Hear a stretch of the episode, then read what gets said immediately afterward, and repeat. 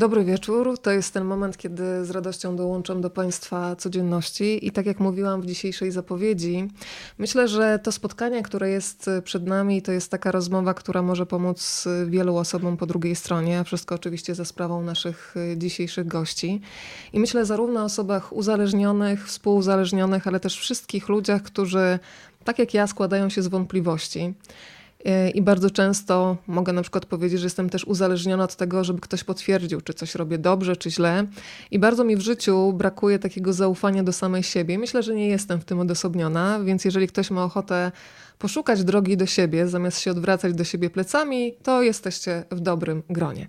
Tradycyjnie zapraszam do tego, żeby dzielić się naszym dzisiejszym spotkaniem. Pod tymi okienkami, mm, w których nas teraz widać na stronie Rozmawiam, bo lubię, macie trzy opcje. Możecie polubić, skomentować, to też jest opcja do, do zadawania pytań i udostępnić. Wystarczy po prostu nacisnąć ten guziczek, a to spotkanie pojawi się również na Państwa osi czasu. I czas najwyższy, żeby przenieść się już do domów naszych gości, a dzisiaj jesteśmy z Arturem Nowakiem i Markiem Sekielskim, autorami książki Ogarnij się, czyli jak wychodziliśmy z szamba. Dobry wieczór, panowie. Cześć. Dobry wieczór. Cześć, cześć, cześć. Ja zawsze, słuchajcie, namawiam tych, którzy są razem e, z nami, żeby e, podawali nam tutaj lokalizację, w jakich e, miejscach w Polsce i na świecie nas słuchają, bo niezależnie od tego, ile kilometrów nas dzisiaj będzie dzielić, to na pewno emocjonalnie będziemy blisko. Więc gdybyście mogli swoje dane geograficzne przybliżyć, gdzie dzisiaj jesteśmy w domu u Artura i gdzie u Marka, to zacznijmy może od tego. Marku. Marek. Tak, mam powiedzieć, gdzie jesteśmy, bo ja tak się skupiłem na tym, żeby coś zażartować. Udostępniasz, tak? Jest, jestem w Warszawie jeszcze póki co przez półtorej godziny. A Artur? Ja póki co jeszcze jestem w Kodzierze. Mieszkam nad jeziorem, codziennie rano wstaję, biegam dookoła, no, ale też niedługo jadę do Warszawy. Dlatego Marek ucieka. No to słuchajcie, ale muszę wam powiedzieć, że... nastrój. słuchajcie, muszę wam powiedzieć, że... że jednocześnie oprócz... Będziemy się dzisiaj przebijać. Ale nie, chciałam wam po prostu powiedzieć, że jednocześnie oprócz tego, że jesteście u siebie, no to już widzę, że jesteście w Rzeszowie, jesteście w Gdańsku, pozdrawia nas Londyn, Wrocław, Lidz, Chorzów, Katowice, Siemianowice Śląskie, Warszawa, Gdańsk, Grujec i kolejne osoby do nas dołączają. No to jak państwo będą dołączać, to ja zacznę tak e, formalnie od przedstawienia naszych gości. Gdyby jeszcze ktoś was nie znał, ale myślę, że zdecydowana większość już doskonale wie, z kim spędzi najbliższą godzinę, półtorej ze względu właśnie na was jest y, tutaj. E, Artur, adwokat, publicysta, pisarz. Y, przypomnę tytuły książek, po które war warto sięgnąć, żeby nie było zgorszenia. Ofiary mają głos, rozmowy z ofiarami kościelnej pedofilii. To jest książka, którą stworzyłeś razem z Małgorzatą Szewczyk-Nowak. Przypomnę Wąską ścieżkę. To jest książka, w której profesor Stanisław Obirek opowiada o tym, dlaczego odszedł z kościoła. A skoro już padło e, nazwisko z profesora Stanisława Obirka, no to oczywiście przypomnę o książce Gomora. Władza, strach i pieniądze w polskim kościele. Artur też prowadzi cykl programów Wysłuchanie.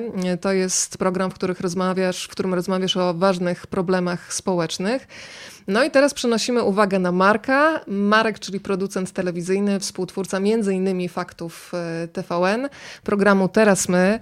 Jesteś oczywiście też producentem bardzo głośnych dokumentów poświęconych kościelnej pedofilii w Polsce, tylko nie mów nikomu i Zabawa wchowanego. Od razu warto powiedzieć, że scenarzystą i reżyserem tych filmów jest twój brat Tomasz. No i to, co, e, na co zwróciłam uwagę, słuchaj, dzisiaj, zaraz od, chyba od tego zacznę, jesteś też założycielem niezależnego i przy tym słowie niezależne się za chwilę zatrzymam, studia studia nagraniowego Sekielski Brothers Studio. No i prowadzisz od 2020 y, roku mm, cykl rozmów Sekielski o nałogach. YouTube to jest to miejsce, w którym te spotkania można znaleźć. I Marek, y, bardzo Ci chciałam podziękować, to już mówiłam w czasie zapowiedzi, za ciszę, którą potrafisz wytrzymać. Bardzo niewiele osób, które znam, również zawodowych dziennikarzy, może nawet przede wszystkim dziennikarzy, mm, nie potrafi wytrzymać ciszy, która czasami mówi dużo więcej niż słowa. Coś jeszcze byście dodali do tego przedstawienia? No, zabrzmiało to wszystko jak początek procesu beatyfikacyjnego. nie, no, nie, no tak, rzeczywiście jest. Sam jestem zaskoczony. trochę, trochę się napisało tych książek i coś. Cieszę się z tej y, aktywności i bardzo nam miło w ogóle, że możemy gościć u Was i u Ciebie. Weroniko, jesteś powszechnie znana i lubiana. I jak mówisz o tym potwierdzeniu, też żeby zagaić tę rozmowę, to powiem, że bardzo się dobrze z Tobą czujemy. Bardzo się cieszę mi dobrze z wami. Jeszcze się trochę stresuję, no, ale tutaj. Nowak zachował się jak rasowy adwokat. Ja nawet nie musiałem się odezwać. Dziękuję ci, mecenasie. To Marek, teraz y, pytanie do ciebie, ponieważ dzisiaj się uśmiechnęłam patrząc y, na ten biogram w książce, założyciel niezależnego studia nagraniowego i pomyślałam sobie, że niezależność jest bardzo ważna przy wychodzeniu z nałogów. Nie wiem, czy się zgodzisz bo y, no sama mam za sobą wyjście z korporacji. Pomyślałam sobie, że odkąd jestem niezależna, to nie muszę iść na kompromisy, a zgadzanie się na różnego rodzaju kompromisy powoduje w człowieku bardzo dużą frustrację i chyba ułatwia sięganie po nałogi. Zgadzacie się z tym, czy nie? Marek, zacznę od ciebie. Mm, wiesz co, y, nie wiem, bo, y, bo z kolei trzeźwienie to jest umiejętność też i trochę sztuka w jakiś sposób chodzenia na kompromis, e, bo jakby nieodzownym elementem, chyba no, jednym z ważniejszych jest pokora. E, uznanie, że ktoś jest mądrzejszy, że ktoś wie lepiej, że, że czasem trzeba komuś zaufać. E, I bardzo często, jak się z kimś nie zgadzam, to mam sobie z tym poradzić z tym niezgadzaniem i z tym wewnętrznym buntem, więc tutaj nie do końca bym się zgodził, jeśli chodzi o sam proces trzeźwienia. Natomiast e, ja bardzo nie lubię zrzucać e, na jakieś czynniki zewnętrzne w ogóle swojego uzależnienia, bo to jest taka. E, myślę, że dla osób uzależnionych dosyć taka ponętna zguba, która może prowadzić właśnie oddalać od tego trzeźwienia, bo ja się nauczyłem tego, żeby brać odpowiedzialność za swoje życie dzisiaj też przede wszystkim, natomiast wziąć za to, co w swoim życiu zrobiłem i nie obarczać tą odpowiedzialnością e, ani innych ludzi, ani tej złej korporacji. Ale nie wiesz, to chodzi mi właśnie korporacji, o która nie jest zła, natomiast tak. yy, bo nic nie mogę, nigdy nie powiem nic złego na temat samej firmy, w której pracowałem przez lata, natomiast jakby ja rozumiem, o co ci chodzi. No, niezależność jest fantastyczna, bo jest jakby mm, no daj, jakby wolność jest takim, nie wiem, e, sferą życia, no, której nie da się chyba niczym zastąpić. No. Można sobie tą wolność zasypywać jakimiś przyjemnostkami, nie wiem, pieniędzmi, które się ma, będąc trochę niewolnikiem, ale to jest inna chyba sfera życia, wydaje mi się, niż samo uzależnienie. Tak, tak, myślę faktycznie bardziej o tym. Ja też na swoje korporacje nie narzekam i niewykluczone, że kiedyś tam nie wrócę. Tylko chodzi mi o ten moment, że kiedy czujesz, że nie mieścisz się w pełnym schemacie i zgadzanie się na pewne rzeczy powoduje frustrację, to twoja właśnie decyzja, odpowiedzialna decyzja, żeby nie zwalać, że jest ci źle, tylko skoro jest ci źle albo nie do końca się mieścisz w formacie, to wychodzisz, robisz swoje i nie masz właśnie do nikogo pretensji. No łatwiej mi dzisiaj na pewno funkcjonować w taki sposób, że nie muszę tego, tej, tej głowy tak podkulać często jak, jak będąc od kogoś uzależnionym w tym sensie. E, ale to, to też nie jest tak, że ta niezależność jest e, drogą usypaną płatkami róż tylko. Bo tak nie jest. To jest inny rodzaj odpowiedzialności, inny rodzaj też stresu, który się z tym wiąże i różnych trudności, które się pojawiają, niepewności jakiejś. No, klimat zawsze dwa końce i tutaj też jest jest trochę za, jest trochę przeciw, natomiast na pewno bym nie wrócił. Nie, wolałbym nie wracać. Takie... Agnieszka właśnie. Przepraszam, bo cię zagadałam, tak chwaliłam ciszę, a teraz ci weszłam w słowo, przepraszam. Nie, to kropka to miała być już postawiona. Nie wiem, czy macie, czy zdajecie sobie sprawę, że spacerowaliście dzisiaj brzegiem morza razem z Agnieszką. Napisała właśnie, że idąc brzegiem morza słuchała wywiadu tych dwóch wspaniałych panów, a teraz siada do stołu i w Facebook podsuwa rozmowę no tak, wszechświat widocznie podsuwa pewne rozwiązania i, i ludzi, z którymi warto spędzić ten wieczór. Bardzo się cieszę.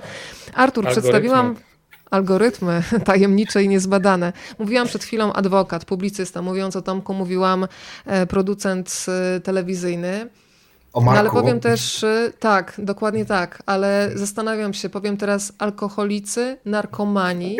Kiedy po raz pierwszy pomyśleliście o sobie w ten sposób? Mało tego, nazwaliście problem i zaczęliście coś z tym robić bo, robić, bo to jest taka definicja, przed którą wielu ludzi bardzo ucieka i przez wiele lat, miesięcy potrafią się okłamywać, żyć w iluzji, że to nie jest ich problem. Nawet w żartach się pojawia podczas imprez, ale z nas alkoholicy, ale to jest wszystko brane w nawias, a potem nagle okazuje się, że trzeba coś z tym robić. Ja myślę, że sekwe sekwencja jest taka, że to nie jest tak, że przychodzi jakaś czarodziejska mm, różdżka, która cię palnie w twoją głowę i cię oświeci, tylko to jest tak, że dowiadujesz się o tym na terapii właściwie, tak, bo mm, ja niewiele wiedziałem na temat y, uzależnienia wcześniej. Y, znaczy, wypierałem to, oczywiście bagatelizowałem, minimalizowałem. To są takie typowe postawy, ja się tutaj za bardzo nie różnię pewnie od znaczącej y, ilości, od liczby osób, które mają z tym problem i się mierzą z tym. Natomiast rzeczywiście myślę, że na terapii dostałem właściwe narzędzia, z których wynikało, że no, stanąłem przed tym lustrem i zobaczyłem, kim jestem.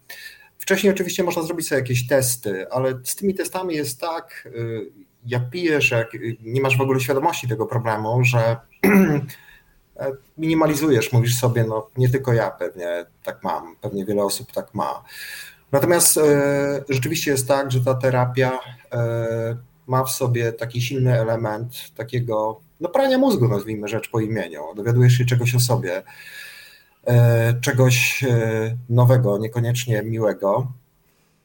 No i, i, i wtedy zaczyna się. Znaczy, no, to jest pierwszy krok. Rzeczywiście, żeby gdzieś wejść świadomie na jakąś taką e, inną drogę, na inne kolejne swojego życia, no to trzeba uznać ten problem, nie? zaakceptować to. Zresztą to jest pierwszy krok anonimowych alkoholików, narkomanów. Jest to smutne doświadczenie, muszę powiedzieć, y, bo to nie jest tak, że dowiadujesz się czegoś o sobie, jesteś szczęśliwy, że poznałeś swoją tożsamość, hura, jestem alkoholikiem. Nie, to później przychodzi, bo mm, to daje taki, taką możliwość innej perspektywy, lepszego zrozumienia siebie, e, co się ze mną dzieje, dlaczego jest mi tak trudno, na samym początku zwłaszcza, e, i to doświadczenie innych alkoholików, narkomanów też, E, jest ważne na tym początkowym etapie tej drogi, tego zdrowienia, żeby zobaczyć ludzi, którzy są gdzieś dalej, w innym miejscu. Nie? My w tej książce wypowiadamy się na temat zresztą AA i mówimy, że na samym początku, zwłaszcza terapii, trzeźwienia, myślę, że o AA możemy rozmawiać dużo, ale jest to bardzo ważne, żeby się zidentyfikować, żeby zobaczyć ludzi, którzy zaczynają, ludzi, którzy są gdzieś dalej. Chociaż ta perspektywa, że ktoś jest bliżej czy dalej, myślę, że jest taka bardzo umowna, bo e, no mówisz do człowieka, który cię rozumie, który coś takiego przeżył, zna twoje emocje, twoje uczucia, e, bo, bo doświadczał ich po prostu i, i, i mówi o tym już z perspektywy czasu przeszłego. Ty zaś mm, możesz usłyszeć kogoś, kto, kto gdzieś też jest na początku jakiejś drogi. Ale rzeczywiście, na samym początku, odpowiadając na Twoje pytanie, no ta odpowiedź, którą uzyskujesz po, po, po tej terapii, e, jest bardzo smutna. Dla mnie ona była smutna, szokująca. Marek, ty opowiadasz e, w książce innymi o tym, że chyba sporo też zawdzięczasz swojemu przyjacielowi, z którym razem piliście, imprezowaliście i on pewnego dnia przychodzi do ciebie i mówi o tym, wiesz co, zapisałam się na terapię, jestem alkoholikiem, chcę to zmienić. Pamiętasz swoje emocje, kiedy on ci to powiedział już nie w żartach, ale całkiem na serio i myślę sobie, no uruchamiając empatię, że też przerażony faktem, do którego dojrzał i który przyjął. Co wtedy pomyślałeś? Wiesz co, gdzieś to, to pewnie gdzieś oscylowało w okolicach strachu, podejrzewam, jakiejś takiej niepewności, nie? bo to był taki ostatni jakby element tej układanki, który się jakby zazębił i już, już wtedy już, już, już nie, nie, nie szukałem sobie wymówek, już nie, nie stawiałem sobie jakiś tam, już ten mój mózg nie tworzył jakichś fantastycznych scenariuszy i konstruktów logicznych, które mnie jednak gdzieś tam na drugą stronę jeszcze przekręcały i no, strach. Nie? Myślę, że to jest taki strach przed tym, że no, idę w kierunku, którego przez lata, tak jak patrzyłem na siebie, mówiłem sobie, że nie chcę pójść, że nie chcę e, być alkoholikiem, nie chcę, żeby moja córka się wychowywała w domu z alkoholikiem. I się nagle okazało, że jednak kurwa mi to nie wyszło, nie? E, że jednak właśnie zrobiłem to, czego nie chciałem bardzo zrobić. No i strach, nie? jak to będzie, bo to myślenie na początku w kategoriach, że ja przestanę pić, kiedy doskonale wiedziałem, że mm, jakiekolwiek próby e, właśnie zaprzestania picia na jakiś czas, nie wiem, na tydzień kończyły się porażkami często, że, że potrafiłem tak naprawdę nie pić może dzień, dwa, czasem trzy, to były chyba najdłuższe przerwy, które ja miałem tak naprawdę od, od różnych używek. E, no więc jakby perspektywa tego, że ja miałbym jakiś magiczny sposób się z tego wyzwolić, była w ogóle niewyobrażalna wtedy, nie? Słuchajcie, więc a jakie tak jest wasze... No. A jakie jest Wasze pierwsze wspomnienie? No, wspomnieliśmy o wspólnocie i o meetingach. Ja przy okazji tej rozmowy przypomniałam sobie wydarzenia sprzed dobrych, myślę, że 10 lat z mojego życia. Przez jakiś czas swojego życia byłam ze sobą uzależnioną, nawet przez jakiś czas o tym nie wiedząc. I słuchajcie, ja byłam wtedy takim dziewczątkiem, patrząc z dzisiejszej perspektywy, miałam chyba 23 czy 4 lata. I pamiętam ten moment, kiedy ten mężczyzna nagle znika, potem przychodzi i okazuje się, że jest w ciągu, on mi to mówi. I ja od razu mówię, damy sobie z tym radę. I pamiętam, słuchajcie, jakbym wchodziła do jakiegoś równoległego świata, ale w końcu trafiłam na takie spotkanie otwarte dla osób też współuzależnionych i do dzisiaj pamiętam i w sumie jestem bardzo wdzięczna za to doświadczenie, takie swoje zdumienie tym, jaką ogromną siłę może dać ci zwykły człowiek z kompletnie innego też świata niż ty, bo tam były osoby wykonujące przeróżne zawody, wiekowo też przeróżne ale miałam też takie wrażenie, słuchajcie, kiedy w ogóle szłam na to pierwsze spotkanie, do dzisiaj pamiętam, to był Ursynów, jakaś e, salka w podziemiach kościoła, jakbym właśnie uczestniczyła w czymś, czego kompletnie nie znam, jakiś tajny podziemny świat. I zastanawiam się, jakie są wasze wspomnienia, bo nagle wchodzicie w rzeczywistość, której nie znacie. Teraz to jest coś, co dobrze, doskonale jakby macie oswojone, ale myślę sobie, że dzisiaj też mogą być z nami osoby, które wahają się przed zrobieniem tego pierwszego kroku, niezależnie od tego, czy są współuzależnione, e, czy są uzależnione, bo się zastanawiają, ale jak to wygląda? Bo jeżeli nie znasz tego problemu, no to po sobie tego nie wyobrazisz. Pamiętacie to pierwsze spotkanie? No ja A, pamiętam, tak, do, pamiętam doskonale. Y, znaczy, formuła meetingu ma to do siebie, bo też chciałbym, żeby jakieś osoby, które nas oglądają, obydwaj byśmy chcieli, rozmawialiśmy o tym przed audycją, którzy, którzy się nad tym zastanawiają, ważą, może kogoś chcą zmobilizować do, do czegoś, chociaż najlepiej, żeby e, robić to dobrowolnie, to formuła meetingu ma to do siebie, że no możesz przyjść i za bardzo nie, nie musisz e, mówić, tak? Znaczy tam jest taka formuła, że jak się nazywasz, ile nie pijesz i tak dalej. Natomiast warto jest pójść i posłuchać chyba na dobry początek, bo to niesamowicie skraca dystans. To jest rzeczywiście inny świat, bo przychodzą ludzie z konkretnym problemem, no, który jest takim konglomeratem e, różnych innych problemów, e, które no, wynikają z tego rdzenia problemu, którym jest zależność. I e, no, jest to na pewno z całą pewnością dla kogoś, kto szuka tej pomocy, mm, bo tej pomocy trzeba szukać. To nie jest tak, że. Znaczy, sam sobie pomożesz w ten sposób, że szukasz tej pomocy. No, można wiele usłyszeć o sobie przede wszystkim. No, dla mnie te początki to było takie lustro. Znaczy to też było dla mnie takie poruszające, jak e, wstawał jakiś dorosły mężczyzna, często bardzo taki powierzchowny, prosty e, i mówił, że nie pije 16 lat, co to mu dało, że wstał rano, poszedł do pszczół e, i, i, i zebrał jakiś miód, który dał wnukom. To są często takie rozmowy, tak? Takie zupełnie proste, ale też jest drugi człowiek, który mówi, że słuchajcie, zapiłem, tak? I opowiada o sobie i dostaje jakąś tam e, historię od kogoś, bo ta, tak działa, że to nie jest jakaś e, tygiel dyskusji, tylko po prostu to ma na celu, żeby ludzie siebie słuchali i dostaje jakieś takie silne wsparcie i, i, i przychodzi taki upokorzony, ale nikt go nie przyjmuje w ten sposób, że e, on kogoś zdradził, że zawiódł. E, poruszające jest to, że po prostu tu jest, że przyszedł. Więc myślę sobie, że na samym początku, zwłaszcza e, takiego e, no, poszukiwania, no bo wyjście z terapii nie powoduje, że, że, że jesteś jakimś omnibusem. To jest ważne. To, to jest, dla mnie to było bardzo poruszające, przede wszystkim takie wzruszające. Może ci ludzie też potrafią się przyjaźnić, e, rozmawiać o jakichś takich prostych rzeczach, są pogodni, uśmiechnięci, że pomimo tego, że przez długą część swojego życia tak wiele krzywdy zrobili sobie, e, jeśli chodzi o swoje zdrowie, mm, to psychiczne i to fizyczne, e, to jednak e, to jakoś wrócili do tego życia normalnego.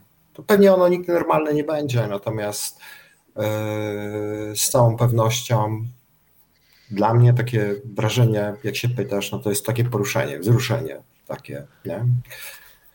Marek, a czy, bo jeszcze chodzi mi też o te uczucia tuż przed, bo ja pamiętam, że mnie bolał żołądek, że bałam się, co to będzie, tak jak przed każdą rzeczą, który, co, kiedy nie wiem, co jest za tymi drzwiami. A potem też zdałam sobie sprawę, że to jest też niesamowita siła zaufania. Że wszyscy, którzy tam siedzą, otwierają się przed obcymi osobami, wierząc też w to, że nikt nie wyniesie tych historii dalej. To też jest dla mnie coś absolutnie fantastycznego. E, kiedy tam udawałeś się na to spotkanie, biegłeś na skrzydłach, czy biegłeś, nie wiem, ze wstydem, z niepokojem, z taką niewiedzą, co cię czeka za tymi drzwiami? Przerażony byłem. To jakby no strach, przede wszystkim strach. Jakby kompletna niewiedza, co to jest, jakieś pomieszanie ze wstydem. E, wszedłem, to było w klub abstynenta na, na Bielanach w sumie mm, warszawskich.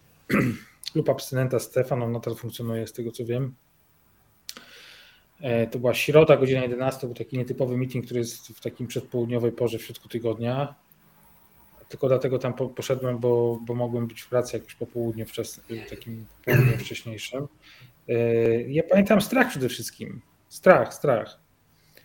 E, nie miałem, nie pamiętam, żebym miał jakieś oczekiwania. Po prostu stwierdziłem, że pójdę, zrobię to, zobaczę, jak to wygląda. I wszedłem tam taki mały mareczek, zestrachany, nie odzywałem się do nikogo.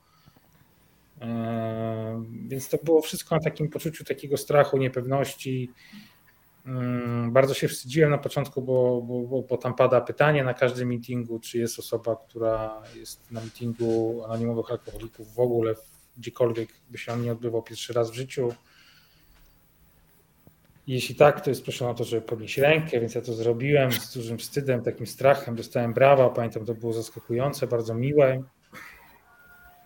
Zostałem poproszony, żeby tam powiedzieć o sobie dwa zdania. Powiedziałem z, z dużym bólem, jakby i, i, nie byłem specjalnie otwarty. A później to, to pamiętam, że e, no ten strach jakby mi towarzyszył zawsze, znaczy zawsze tak, często mi towarzyszył, bo ja wielokrotnie później chodziłem na meetingi jeszcze przez dwa lata, jak chodziłem na meetingi, próbowałem się na tych meetingach otworzyć i powiedzieć w ogóle cokolwiek, to raz chyba zabrałem głos, raz się odważyłem, tam już też nic więcej nie powiedziałem, natomiast jakby jak zacząłem słuchać tych ludzi, to w pewnym momencie pojawiło się jakieś takie olśnienie właśnie, że kurczę, oni mówią o mnie w ogóle, nie? że słyszę swoje historie, gdzieś tam w inny sposób powiedziane, ale prowadzący, który był takim charakterystyczną, dosyć miał takie rysy, wygląd twój, to mi tak zapadł mocno w pamięć, też być może tym, że on tak bardzo z taką dużą też pasją i tak widać, że szczerze mówił o, o, o złości, wściekłości, która w nim cały czas jest, o tym jak sobie z nią nie radzi właśnie i,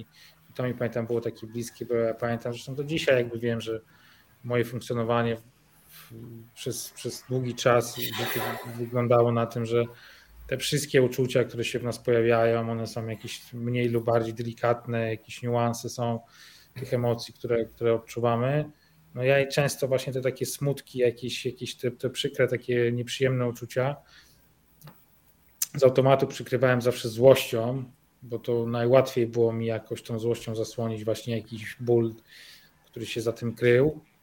I się no, łatwiej było mi, to też wiem u alkoholików jest często taki przykład, że łatwiej jest tą złością przykryć to, co boli, bo złością można wyładować się, przerzucić trochę jakby ten ciężar na kogoś, kogoś opierdolić, mówiąc brzydko, na kogoś nakrzyczeć, nawrzeszczeć, nie wiem, czasem być może kogoś pobić, akurat to nie, ale, ale tak też się dzieje nie, nie, nierzadko i to pamiętam, takie właśnie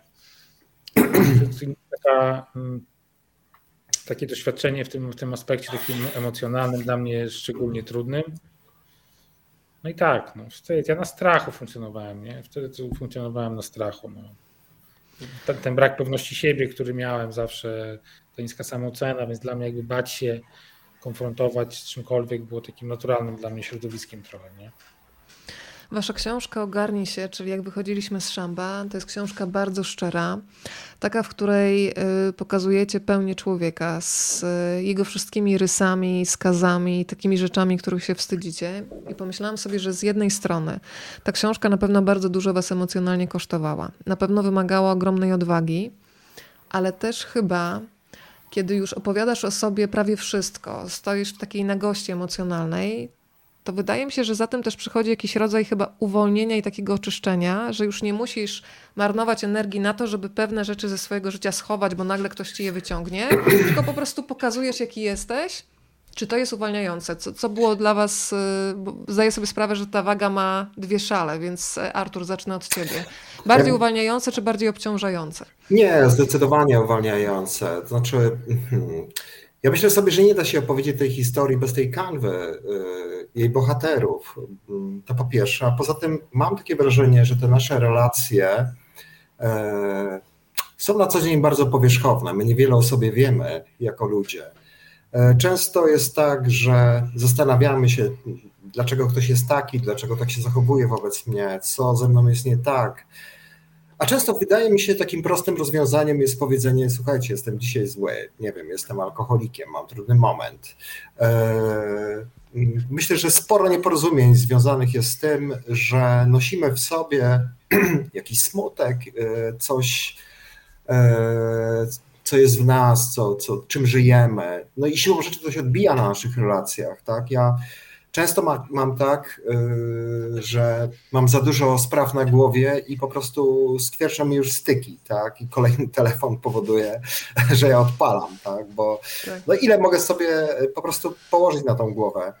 Yy, to tak jest I, i, i ja nie mam z tym problemu. To znaczy myślę sobie, że taki ja właśnie jestem, takie, taka jest część mojej tożsamości, e, część mojej drogi.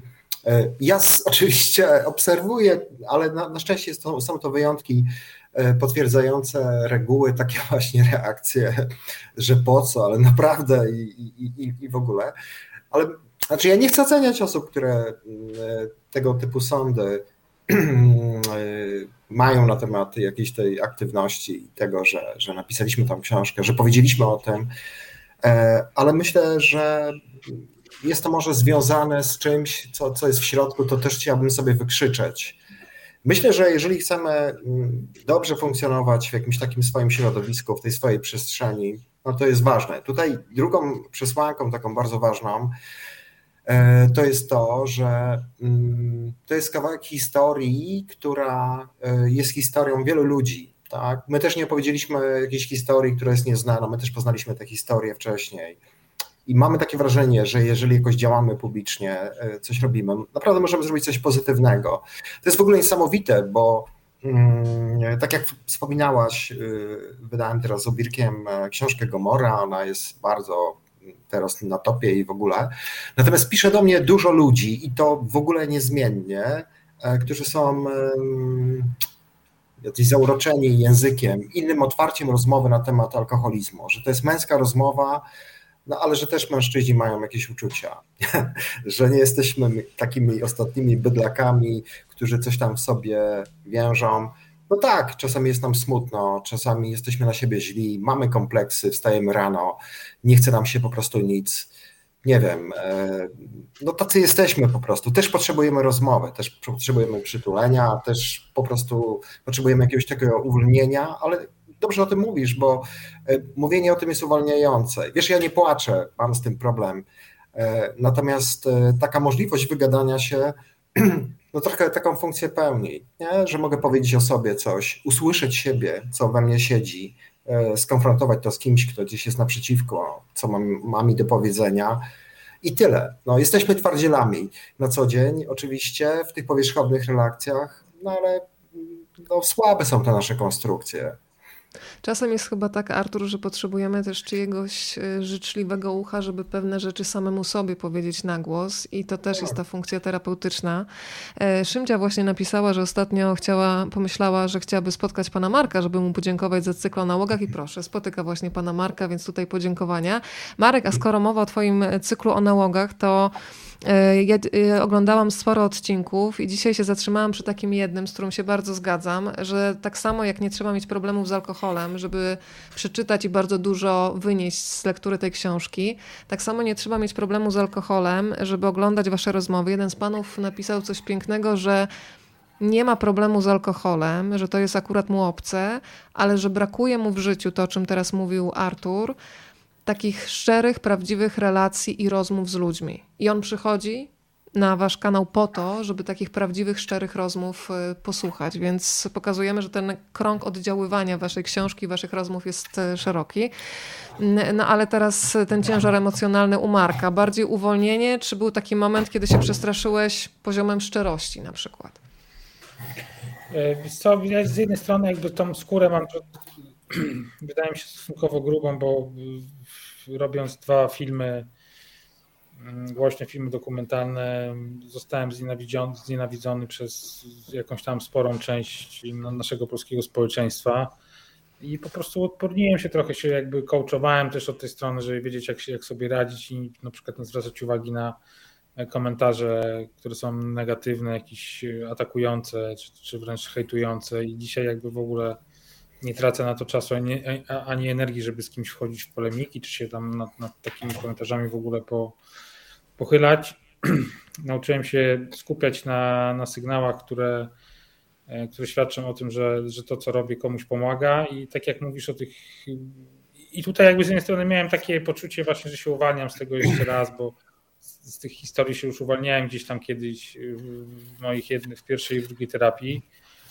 E, e, I dla mnie to było naturalną konsekwencją, że jakby się zdecydowałem na to, żeby publicznie o tym uzależnieniu mówić i po to, żeby to, żeby jakąś zmianę dokonywać e, też w naszym społeczeństwie, bo przecież ja to nie kieruję tego do zamkniętego grona, tylko dla, dla rzeszy tak naprawdę osób uzależnionych, w której w Polsce, jeśli policzyć samych uzależnionych, a do tego dołożyć ich rodziny, które chorują, przez to są matki, mężowie, partnerzy, partnerki, dzieci, rodzice. Czasem, to się robi z tego, jak wczoraj sobie z kimś rozmawiałem, jeżeli te 3 miliony osób uzależnionych jest w Polsce rzeczywiście, to jeśli założyć średnio, że w Polsce rodzina ma liczyć 4 osoby, no to mamy 12 milionów osób, które żyją po prostu w jakimś chorym kompletnie środowisku.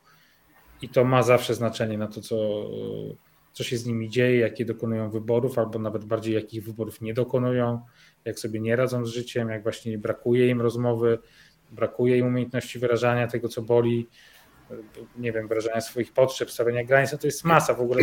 Te rozmowy są też trochę jakby w takim kontekście ludzkim językiem, w prosty sposób mówione o rzeczach, o których się mówi na studiach psychologicznych, które dla, czasem, dla, jak się z tą psychologią nie ma styczności, wydają się wiedzą jakąś taką wyjątkową, tajemną, trochę oderwaną od rzeczywistości, a tam oczywiście jest dużo dużo trudnych rzeczy, które trudno, trudniej jest zrozumieć, ale jest cała masa tych schematów, zachowań, e, które mamy wtłaczane przecież w swoje mózgi, jak jesteśmy tymi dziećmi, rośniemy w tych domach i te domy nas kształtują i te relacje, właśnie ten ojciec, matka przede wszystkim, trochę to środowisko obok, to wszystko ma na nas wpływ i my dzisiaj jesteśmy wolnymi ludźmi, tak nam się wydaje. Bardziej nam, mam wrażenie, nam się wydaje, że jesteśmy wolni niż jesteśmy, bo my sobie nie zdajemy sprawy, każdy z nas sobie nie zdaje sprawy z tego, ile rzeczy tak naprawdę robimy nie dlatego, bo tak naprawdę dokonujemy wyboru, tylko mamy ten schemat. No, jesteśmy jak ten chomiczek, który tam zapierdziela po prostu w tym kółeczku, nie? Tak. Bo ma to kółeczko i nie wie, że może nie robić tego. No. E, a o tym są terapie też, nie? O tym jest ta psychologia, żeby gdzieś zaczynać wyłapywać w sobie pewne zachowania i poprzez pierw jakby rozpoznawanie ich, uczenie się, wyłapywanie coraz mm, pełniejsze takie, głębsze, próba przycinania tych schematów, zmieniania ich. Nie? Ja zawsze ja lubię powtarzać taki schemat akurat, który e, dotyczy uzależnienia. To jest taka historia, którą jedna z terapeutyk opowiedziała kiedyś na grupie, mogę o tym opowiedzieć, bo to nie, nie zdradza jakby personaliów tej osoby, e, ale chodzi o taki prosty mechanizm. W uzależnieniach jest coś takiego, co się nazywa wyzwalacze. To są jakieś sytuacje, miejsca, rzeczy, czasem przedmioty, które na jakimś etapie, na, na ogół na tym najwcześniejszym etapie jakby leczenia, mogą powodować głód alkoholowy, po prostu chęć napicia się. I ona opowiadała o takiej historii o, o chłopaku, który był uzależniony od narkotyków, e, brał kokainę i on miał problem z noszeniem jeansów. E, bo jak wszyscy wiecie, w jeansach na ogół z prawej strony jest taka mała kieszonka wewnątrz kieszeni, taka malutka kieszonka, taka idealna kieszonka na torebkę tą małą torebkę z proszkiem białym. I on tam nosił tą kokainę po prostu. E, I więc jak on zakładał dżinsy, to miał taki schemat, że wkładał tą, ten, ten palec tam e, i no i to mu się kojarzyło, że on tam zawsze sprawdza. Ja też pamiętam po sobie, że jak ja miałem kokainę, też nosiłem ją tutaj. Nie? I jak miałem jakiś narkotyk i też sprawdzałem co jakiś czas, czy mi nie wypadł, czy nie zgubiłem. Nie? Taki, e, jak on sobie z tym poradził? No bo kiedyś dostał taką informację, słuchaj, zmień ten schemat, skoro go masz, ale jakby przewartościuj. On zaczął nosić zdjęcie swojego dziecka. Wkładać sobie zdjęcie, więc jakby sobie wyparł jeden schemat drugim. No i po jakimś czasie te wkładanie tego palucha e, do tych spodni e, już mu nie przypominało o e, ćpaniu, tylko przypominało mu o córce, o dziecku. No więc jakby zmienił sobie schemat, nie? Gdyby nie wiedział o tym, że to jest schemat, że to działa dlatego, bo, bo tak się zaprogramowałeś, chłopie, no to by pewnie tkwił i do dzisiaj by być może, nie wiem, chodził w dżinsach i jakoś miał z tym problem, nie wiem. Tylko też dlatego, że pozwolił sobie pomóc, prawda? Tak. No tak, no trzeba sobie przede wszystkim dać pozwolić pomóc. No. Słuchajcie, wprowadzacie takie bardzo ważne rozróżnienie. Dupościsk i trzeźwienie. Mówicie bardzo ważną rzecz, że samo odstawienie alkoholu, substancji psychoaktywnych, rzeczy, które nam szkodzą i mamy tego świadomość, nie jest jeszcze równoznaczne z tym, że zaczynają nam się układać myśli, emocje, uczucia i że pojawia się upragniony spokój albo przynajmniej jakieś jego przebłyski, bo to nie przychodzi nagle jak jakieś oświecenie. Więc powiedzmy trochę o tym, o tej kategorii dupościsk i o tym momencie, kiedy można zacząć mówić, że wchodzimy na tę drogę, na której zaczyna się trzeźwienie. Artur. Ach, o dopościsku mam speech wygłosić. Tak jest. Znaczy, ja, ja, się cieszę bardzo z tego, Czuj się że... jak na TEDxie. Wchodzisz teraz, jest TEDx, są światła i wychodzi Artur Nowak i mówi o dopościsku. Wyobraziłem to sobie. Wiesz co, ja jestem w ogóle szczęśliwy, że mm, jestem w stanie to rozróżnić. Tak? Dla mnie to jest jakiś taki ważny sygnał, y, że ja coś y, z sobą robię, nie? bo przez pierwsze, e, przez pierwsze lata, jak wyszedłem z terapii, ja żyłem na dopościsku. Znaczy, e, mm, ja byłem bardzo nerwowy, mm, bardzo, znaczy często ta nerwowość nie, nie eksplodowała na zewnątrz, tylko była taką drażliwością. No, bez kija nie podchodź, prawda? E, I jakoś non-stop zastępowałem sobie może nie zastępowałem, nie potrafiłem wypoczywać w ogóle. Ja cały czas musiałem coś robić, żeby mieć poczucie jakiejś takiej użyteczności. To też jest kawałek historii z DDA oczywiście. Natomiast e, tak rzeczywiście było. Ja tak naprawdę trzeźwienie poczułem w momencie, e, kiedy gdzieś sobie poszedłem na spacer sam do takiego ładnego miejsca.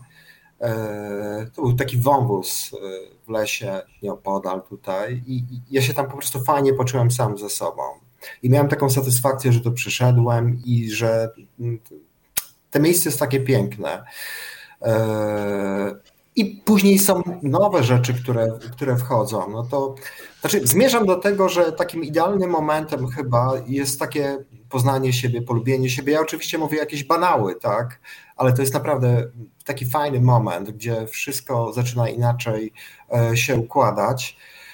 To jest bardzo płynne oczywiście, bo jest takie jesteśmy tacy niecierpliwi często. To znaczy, niby wiemy to wszystko od, od ludzi, którzy są znaczy bardziej zaawansowani, dłużej w tym są, są w jakiś bardziej świadomy sposób w procesie trzeźwienia, że ten moment przyjdzie, zacznie się coś zmieniać.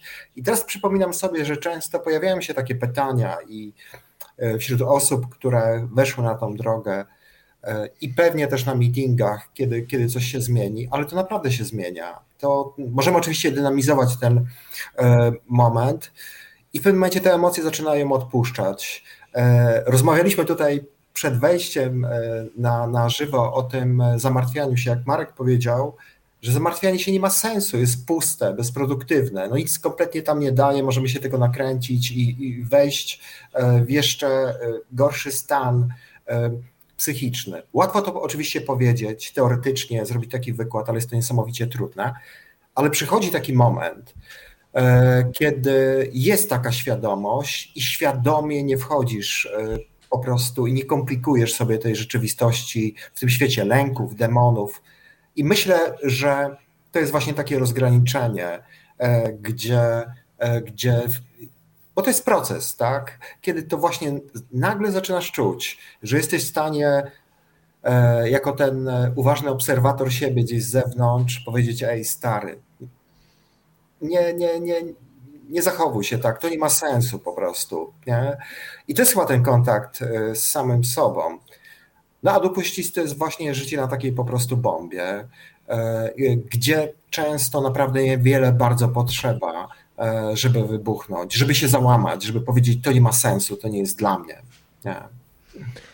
E, powiedziałaś to zdanie, zobacz, że mam podkreślone. Ja mam zresztą całą waszą książkę podkreśloną, bardzo to lubię. Polubiłem samotność, bo polubiłem siebie i myślę, że wielu z nas do takiego stanu dąży. Zobaczcie, co tutaj się dzieje w tej książce, jeżeli chodzi o marker. Tam jest tyle zdań, które we mnie teraz siedzą i pracują, za co wam bardzo dziękuję. Marek z kolei opowiadał mm, w tej rozmowie o tym, że do momentu w zasadzie wyjazdu do Warszawy w wieku 20 lat, no, szedłeś na zdarzenie czołowe z rozpędzonym TGW. E, I potem się zaczyna ten moment, y, kiedy człowiek sobie uświadamia, jak wiele stracił przez y, alkohol i że chciałby jednak zacząć wydłużać swoje życie, zamiast je regularnie skracać. Wyobrażam sobie, że ten moment, kiedy sobie uświadamiasz, ile czasu właśnie zabrał ci alkohol, to jest z jednej strony coś, co pozwala ci się zakorzenić i pozwala zacząć trzeźwieć, ale z drugiej strony też, Marek, nie wiem, wyprowadź mnie z błędu, wyobrażam sobie ciężar tej wiadomości, która dociera, która wiele osób na dzień dobry może przytłoczyć, że skoro już jest tak źle, to ja już po prostu dostaję tą kulą, tą wiadomością i nie jestem w stanie się podnieść. Jak ty sobie radziłeś z tym uświadomieniem, które pozwala zacząć, bo bez tego nie ruszysz, ale z drugiej strony ciężar, który cię przygwarza? Wiesz co, bo to na szczęście się nie dzieje, wiesz, w ciągu jednego dnia i ta, mhm. ta świadomość nie spływa w ciągu jednej minuty i przytłacza po prostu jak kij baseballowy w ręku Martiusza Pudzianowskiego E, tylko to jest jakiś proces, e, a jest też drugi koniec, jakby drugi znowu drugi koniec tego kija, który polega na tym, że jednak jestem jeszcze stosunkowo młody i jest dużo przede mną. E, I, i, i patrzę, nie wiem, jak chodziłem na meetingi, będąc w pierwszej terapii, no to byłem zdecydowanie jednym z najmłodszych w ogóle osób na i to na terapii również, y, którą miałem normalnie w, w przychodni i, i na meetingach. Więc miałem, a, a widziałem niejednokrotnie osoby, które fajnie się y, naprawiły i widać było po nich, że całkiem dobrze funkcjonują. No więc to dawało taką nadzieję, że kurczę, teraz będzie lepiej. I natomiast no to jest jakiś też pewnie, pewnie w tym jest. Nigdy się nie, tak, nie zagłębiałem o strony naukowej, jak to wygląda. Być może tam jest jakiś proces takiej żałoby, którą się przerabia, bo, bo to, o czym mówisz, oczywiście jest jest dużym obciążeniem często. Ja też obserwowałem u osób, z którymi byłem na terapiach, że, że długo ten ból i ten żal taki do siebie i ten smutek w ludziach siedzi. We mnie też on długo siedział. Ja ci nie powiem, co się wydarzyło, jak tak naprawdę ja sobie z tym poradziłem i doszedłem do momentu, w którym już jak wchodziłem w drugą terapię, już nie miałem do siebie tego żalu. Jakby byłem pogodzony z tym, może dlatego, że jakby jak w trakcie pierwszej terapii zrozumiałem, że dla mnie takim bardzo ważnym, jednym z ważniejszych haseł w ogóle w leczeniu była akceptacja. Jakby zrozumienie pojęcia akceptacji i wprowadzenie go w życie. Akceptacja jest cholernie potrzebna, uważam, każdemu człowiekowi do zdrowego funkcjonowania, bo ona też jakby daje daje to takie odpieprzenie się od, e, od siebie w tym kontekście jakby, że przestaje siebie uważać naprawdę za pępek świata. Egocentryzm to jest w ogóle taka immanentna cecha alkoholików, chyba 99,9% na jakimś etapie w ogóle. Chyba każdy z nas uważał, że jest e, nie, nie literalnie, ale tak się zachowywał, jakby był pępkiem świata i w ogóle wszyscy dookoła mieli skakać i nie wiadomo co robić. Jakby uzmysłowienie sobie tego, że jestem takim w ogóle małym robaczkiem na tej planecie, E, i naprawdę ci ludzie dookoła mają kompletnie w D to, co, kim ja jestem, co ja robię, co się ze mną dzieje, e, a co więcej, w ogóle nie czyhają na mnie, nie chcą mi robić krzywdy, tylko zajmują się swoimi sprawami. I to, że dookoła się dzieją rzeczy, na które ja nie mam wpływu, nie? Ja miałem taką, nie wiem, taką sytuację, miałem, o, no byłem u mojej partnerki ze, ze trzy dni temu i E, no nie wiem, od jakiegoś czasu mięsa i tam jej syn chciał sobie zamówić McDonalda i pojechaliśmy do McDonalda i mówię, dobra, to sobie wezmę, wtedy byłem głodny, wezmę sobie tego wegańskiego burgera. Zamówiłem sobie wegańskiego burgera na wynos, przyjechałem do domu i rozpakowujemy te, oni rozpakowują tą, tą paczkę całą jedną dużą z, z tego McDonalda i mnie tam wołają, Marek, Marek, ale pomylili ci zamówienie chickena dostałeś, nie? Ja tak na to patrzę, mówię, tak sobie myślę, no szkoda, bo taki głodny rzeczywiście jestem, mówię, no ale no co, no akceptuję tą sytuację, nie? E, lat temu 10, kiedy piłem, czy tam więcej, bym się wkurwił na pewno. Bym był zły. Jeszcze byś pojechał i tam rzucił im w twarz, co? No nie wiem, być, ale jeżeli nie, to bym pokrzyczał, tam bym dookoła ludzi struł tą swoją taką postawą. A dzisiaj jak coś takiego się dzieje, no to ja, ja od razu wiem, że jedyne co mogę zrobić, to zaakceptować to, no bo ja już nie naprawię tego hamburgera, nie cofnę go, no nie, on się nie, nie stanie nagle wegańskim kotletem, tylko no będzie tym kurczakiem, no trudno, no, zjem coś innego, nie? Jakby to jest ważne i zgubiłem w ogóle pytanie twoje, bo zacząłem się filozofować teraz. Bo jesteś prawdziwym świata. O proszę, jakie tutaj będą szpileczki pomiędzy tutaj. Nie. Widzieliśmy tę błyskawicę, nie no żartuję. Słuchajcie, to ja wprowadzę nowy temat, żeby nie było tutaj. Mm, bardzo zostaje we mnie ta opowieść i faktycznie, co zrobisz, jak nikt nic nie zrobisz? Pamiętam, że kiedyś zepsuł się samochód, ja mam bardzo krótki ląd i mój mąż w ogóle wsiedzi na tej lawecie uśmiechnięty. Ja mówię, stary, mieliśmy inne plany, ciebie to nie wkurzyło i się nakręcam, nakręcam i słyszę, co zrobisz, jak nic nie zrobisz. No i generalnie no tak, to jest no, hasło no, to obowiązujące jest, u nas. Bo to, jest, bo to jest akceptacja, wiesz, ja też miałem taką mhm. sytuację raz, nie wiem, z miesiąc temu e, jechałem na spotkanie, miałem jechać z Tomkiem, ważne spotkanie, tam jakiś projekt, chcemy przedstawić komuś, jakiś mamy pomysł na film, no i mi nagle samochód staje, wiesz, na skrzyżowaniu Konrada i Raymonta na Bielanach e, i to tak na skrzyżowaniu, że w ogóle na wysepkę go wpycham, no i ja sobie myślę, no co, no, no co mam zrobić, no, no wpada, nie? Tak się dzieje. Nam, nam ostatnio na, prawie na moście stanął, jak wracałem. no też takie rzeczy się dzieją czasem, nie? No wiesz, jeżeli nie wiem, stanę w korku, kiedyś bym się denerwował, bo nie zdążę. No. Dzisiaj się mm. nauczyłem, że jeżeli chcę mieć e, dbać o ten swój wewnętrzny spokój, no to moją, w mojej gestii jest to, żeby dać sobie trochę więcej czasu na przykład na dotarcie gdzieś w Warszawie, w której się korki dzieją każdego dnia, tak, czasem jest jakaś kraksa, no to się zdarza, nie? No trzeba mieć taką elastyczność w sobie, nie? Bardzo mnie tego uczyła moja terapeutka właśnie, nie? Żeby być elastycznym, no, żeby właśnie odpuszczać, żeby się nie przejmować, nie tracić energii na takie pierdoły kompletnie, które są bez znaczenia, no, martwienie się właśnie, no bo co mi z tego, że ja się będę martwił o coś?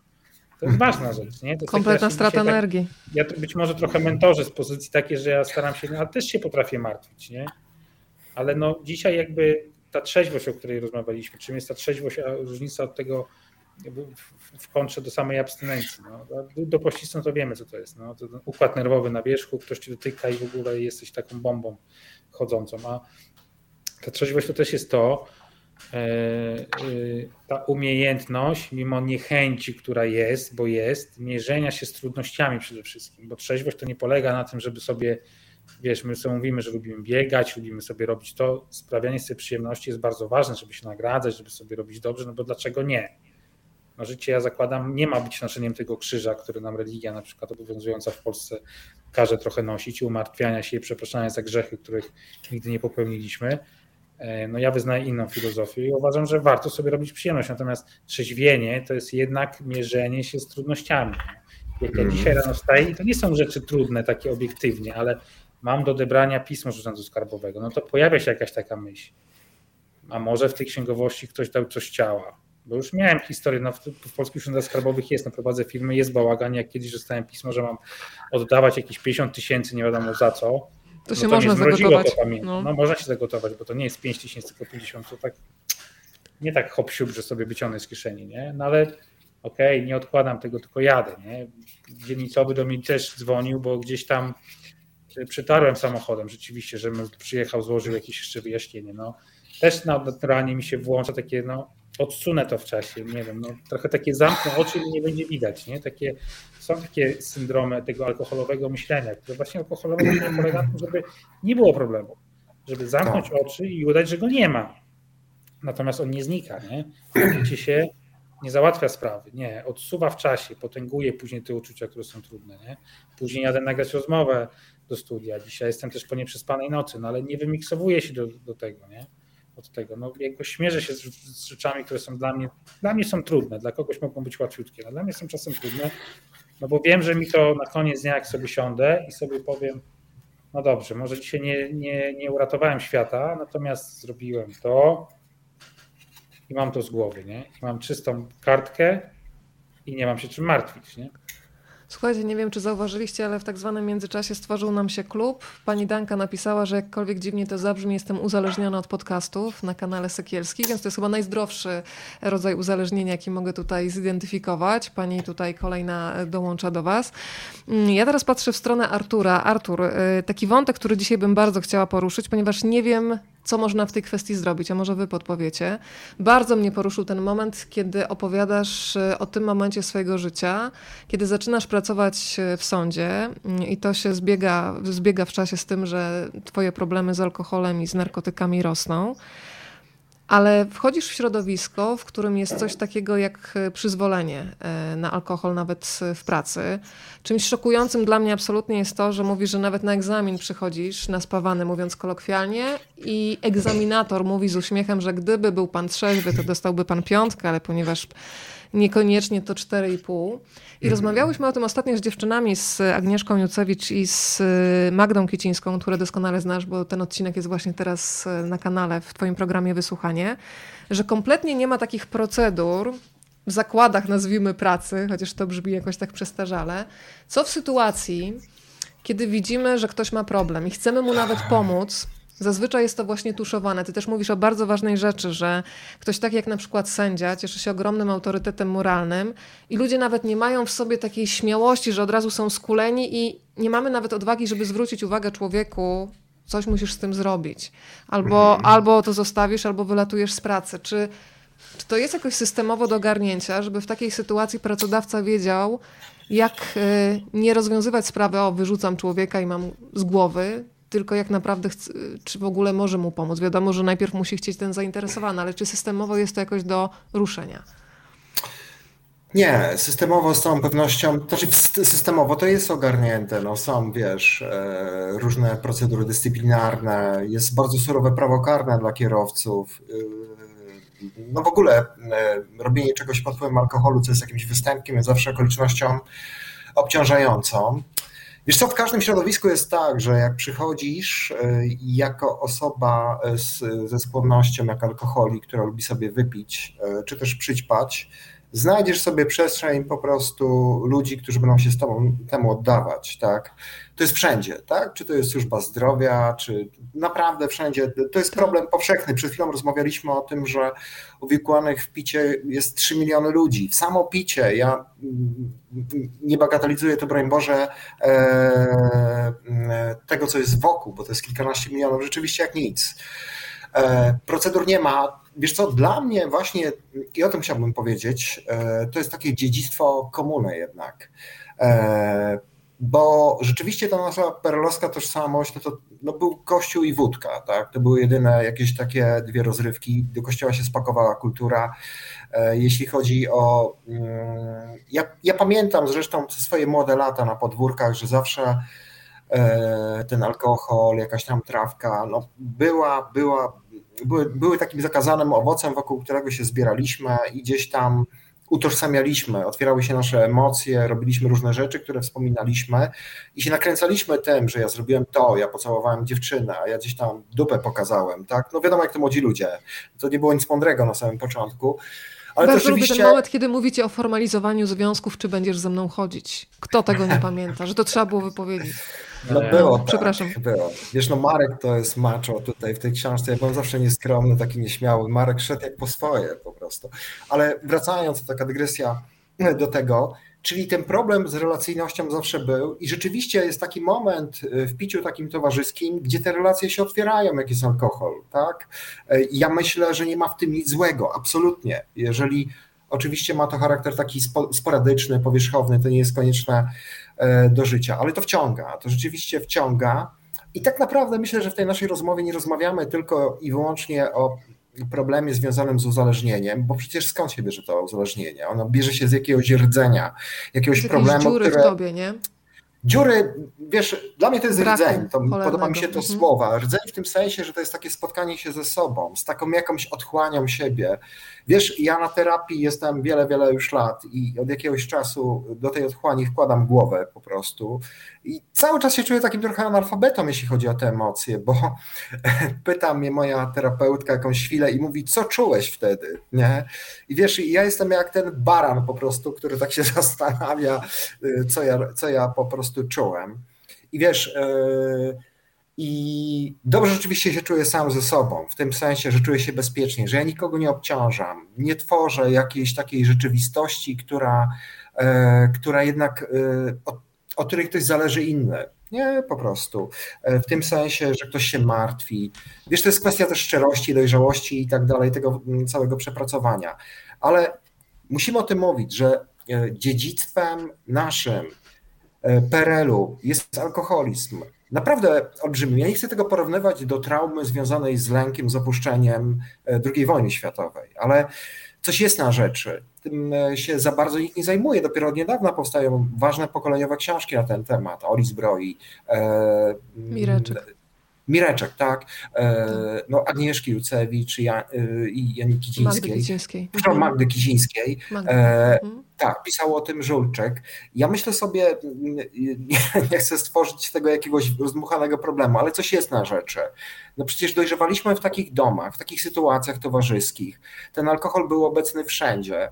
W zasadzie myślę, że w PRL udało się właśnie stworzyć pozór odklejenia się od tej szarzyzny poprzez to, że właśnie były huczne iminy. Ja pamiętam przynajmniej, że te iminy były bardzo huczne. Tam się szło szlaf, z, z, flaszką jak na jakiś mecz. To, to, to, to, to, to, to było niesamowite. Te wesela, Ale tak przypomniałeś mi to, że kobieta z kwiatami, a faktycznie mężczyzna zawsze przychodził z alkoholem i to, no tak to była reguła, nie? No. Tak było, ale do czego zmierzam? Chodzi o to, że nawet y, jeżeli nie rozmawiamy o problemie tylko i wyłącznie alkoholików, o wychodzeniu osób współzależnionych, to jest kwestia narzucenia pewnej formuły spotkania obecności z drugim człowiekiem, relacyjności po prostu. To się tak często mówi, wypijecie, to się dogadacie, tak? E, trzeba od, e, oprzeć sprawę o bufet, trzeba to po prostu załatwić. My nie mieliśmy języka po prostu, jak rozwiązać takie problemy. Wiesz, ja ci powiem, że historia sprzed kilku dni, którą ja słyszałem, no naprawdę w dużej korporacji przychodzi osoba nawalona na spotkanie z kimś. Nie chcę mówić, gdzie to ma miejsce. Nie? I ktoś dzwoni do przełożonego, bo ta osoba jest degustowana, że ten ktoś przychodzi pijany na spotkanie i ta sprawa nie ma dalszego końca, to znaczy nic się tam kompletnie po prostu nie dzieje. I tu nie chodzi o to, żeby tego człowieka gdzieś tam zgnoić, ale żeby rzeczywiście może ktoś z nim porozmawiał, e, powiedział idź, weź skierowanie po prostu, bo masz po prostu z tym problem. E, tak rzeczywiście jest. A wiesz, a czym bardziej funkcjonują alkoholicy, tym trudniej po prostu się do nich dobrać. Oni są tak zakłamani w swoim piciu, oni stworzą taką jakąś, y, nie wiem, wokół siebie fiksę, ideologię, znajdą sobie dużo przyczyn, e, jeszcze w tobie wzbudzą jakieś poczucie winy, e, że po prostu e, z nim nie porozmawiasz. My nie uczymy się relacyjności, my nie, możemy, nie uczymy się mówienia prawdy o sobie po prostu. To jest w ogóle niesamowite, e, co się dzieje w tej chwili w tym ministerstwie tak zwanym edukacji, tak? to chyba się tak nazywa, a przecież cały czas to powtarzamy po prostu. Dobry psycholog, rozmowy. E, ja pamiętam, że największe traumy przeżyłem jako taki nastolatek po prostu, e, te, takich doświadczeń związanych z, z akceptacją, z tego, czy ja się komuś podobam, czy ja się sobie podobam, e, jak mam w sobie czegoś szukać i tak dalej. Te rzeczy są po prostu zamrażane niestety w takim młodym wieku no i później naprawdę jest trudno z tym wyjść. Spotykamy się z sobą jako mm, tacy czterdziestokilkuletni już oldboje trochę i, i, i siadamy do siebie i w końcu się tym e, e, zajmujemy. Ale mówisz, Artur, bardzo ważną rzecz. Ja marzę o tym, żeby w szkole były zajęcia właśnie z układania emocji, e, bo ten schemat, nie wiem, rozmnażania pantofelka, nic z niego nie pamiętam, a taka wiedza na temat tego, jak sobie emocje poukładać, byłaby mi potrzebna przez całe życie. Bardzo mocno mnie też e, poruszyło w, w waszej książce, kiedy Artur mówisz o czymś takim, bo mówiliśmy o tym, że bardzo dużo też takich skłonności do uzależnień też wynika z tego, że mamy kiepskie poczucie własnej wartości. I Artur mówisz takie zdanie, że żadna podróbka nigdy nie będzie oryginałem. I złapałam się na tym, że my tak bardzo staramy się być czasem tacy jak ktoś tam, żeby komuś dorównać, doskoczyć. I przypomniały mi się takie słowa Mikołaja Grymberga. On kiedyś robił taki projekt fotograficzny po śmierci swojej mamy, jeździł po całym kraju i fotografował kobiety bez właśnie żadnego backstage'u, po prostu ustawiały się przed aparatem. I jedna z nich zapytała, jak ma się ustawić, jak spojrzeć. I on powiedział do niej zdanie, które we mnie zostało: bądź sobą, nie można być źle sobą.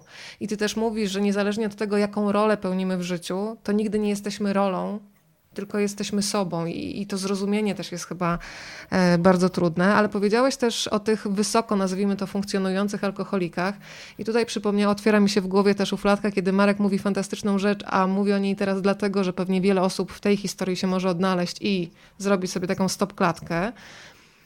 Marek, opowiadasz o tym, że chodziliście na wina do Kondrata. Prawie zabrzmiał jak na kremówki, a tutaj na wino e, do Kondrata. E, I sam sobie mówiłeś, że próbowaliście sobie to albo chodziłeś z kumplem na piwo i to było azotowane, a nie jakoś inaczej, że, że cały czas przed sobą trochę bawiliście się w to, że jesteście degustatorami. E, I faktycznie chyba ten ktoś, kto jest inteligentny i funkcjonuje w takiej strukturze, gdzie teoretycznie sobie świetnie radzi, jeszcze łatwiej jest mu zakłamać sytuację. To prawda czy nie? No to jest jakby cały ten właśnie świat tej iluzji. To jest taki jeden z bardzo silnych, bo są trzy takie mechanizmy uzależnienia, które jakby w terapii y, każdy się uczy właśnie rozpoznawać i właśnie przełamywać, jakoś sobie z nimi radzić. Nie? Te regulowanie emocji, mechanizm dumy i kontroli i mechanizm właśnie iluzji i zaprzeczeń. Jakby jednym z elementów jest budowanie tej swojej wyjątkowości, tego właśnie takiego anturażu, że, że w ogóle ja to jestem tutaj nie wiadomo kim. Ja naprawdę czułem się lepszy, jak jechałem w sobotnie popołudnie przy okazji, niby przy okazji, to tak na papierze wyglądało, że ja przy okazji tam jechałem, ale ja miałem to dobrze zaplanowane, nie? że ja pojadę rano, nie wiem, z dzieckiem do zoo, to z Żolibo, nie wiem, z Pragi, wiesz, gdzie jest w Warszawie, na Żoliborz, tak. przejadę przez, wiesz, okolice Teatru Wielkiego, nie? Mhm. No tak średnio po drodze, no ale da się. Nie? Tak, da się. W weekend Jak nie ma chce, korków, więc, weekend nie ma korków, więc to tak nie boli. No, ja, ja robiłem takie marszruty właśnie, żeby na przykład przejechać do tego Marka Kondrata, a iluzja jest tym większa, że ja wtedy już zarabiałem przyzwoite pieniądze i dobrze mi się jakoś żyło w miarę komfortowo, tak? Natomiast ja naprawdę nie kupowałem tam jakichś win z górnej półki, tylko koniec końców, mimo że spędzałem w tym sklepie na przykład godzinę potrafiłem. Rozmawiać, tam był taki pan chyba Leszek się przez jakiś czas pracował, miał takiego pracownika e, Kondrat i, i on tymi winami tam zawiadował. E, i nie pamiętam już, ale no potrafiłem godzinę spędzić wybrać sześć różnych win, natomiast każde wino kosztowało, nie wiem, 20-25 zł max. Trzy dychy, no to już mnie tam bolało, bo już nie chciałem. No więc Wszyscy były... wiemy o co chodzi, prawda, Artur? Nie będę Państwu zdradzać, ale tam jest taki cudowny fragment o cyjanku potaszu. Nie zdradzę Państwu, jak dojdziecie do tego momentu w książce, to sobie przypomnijcie te słowa, ale cudowne. Kontynuuj, Marek, przepraszam.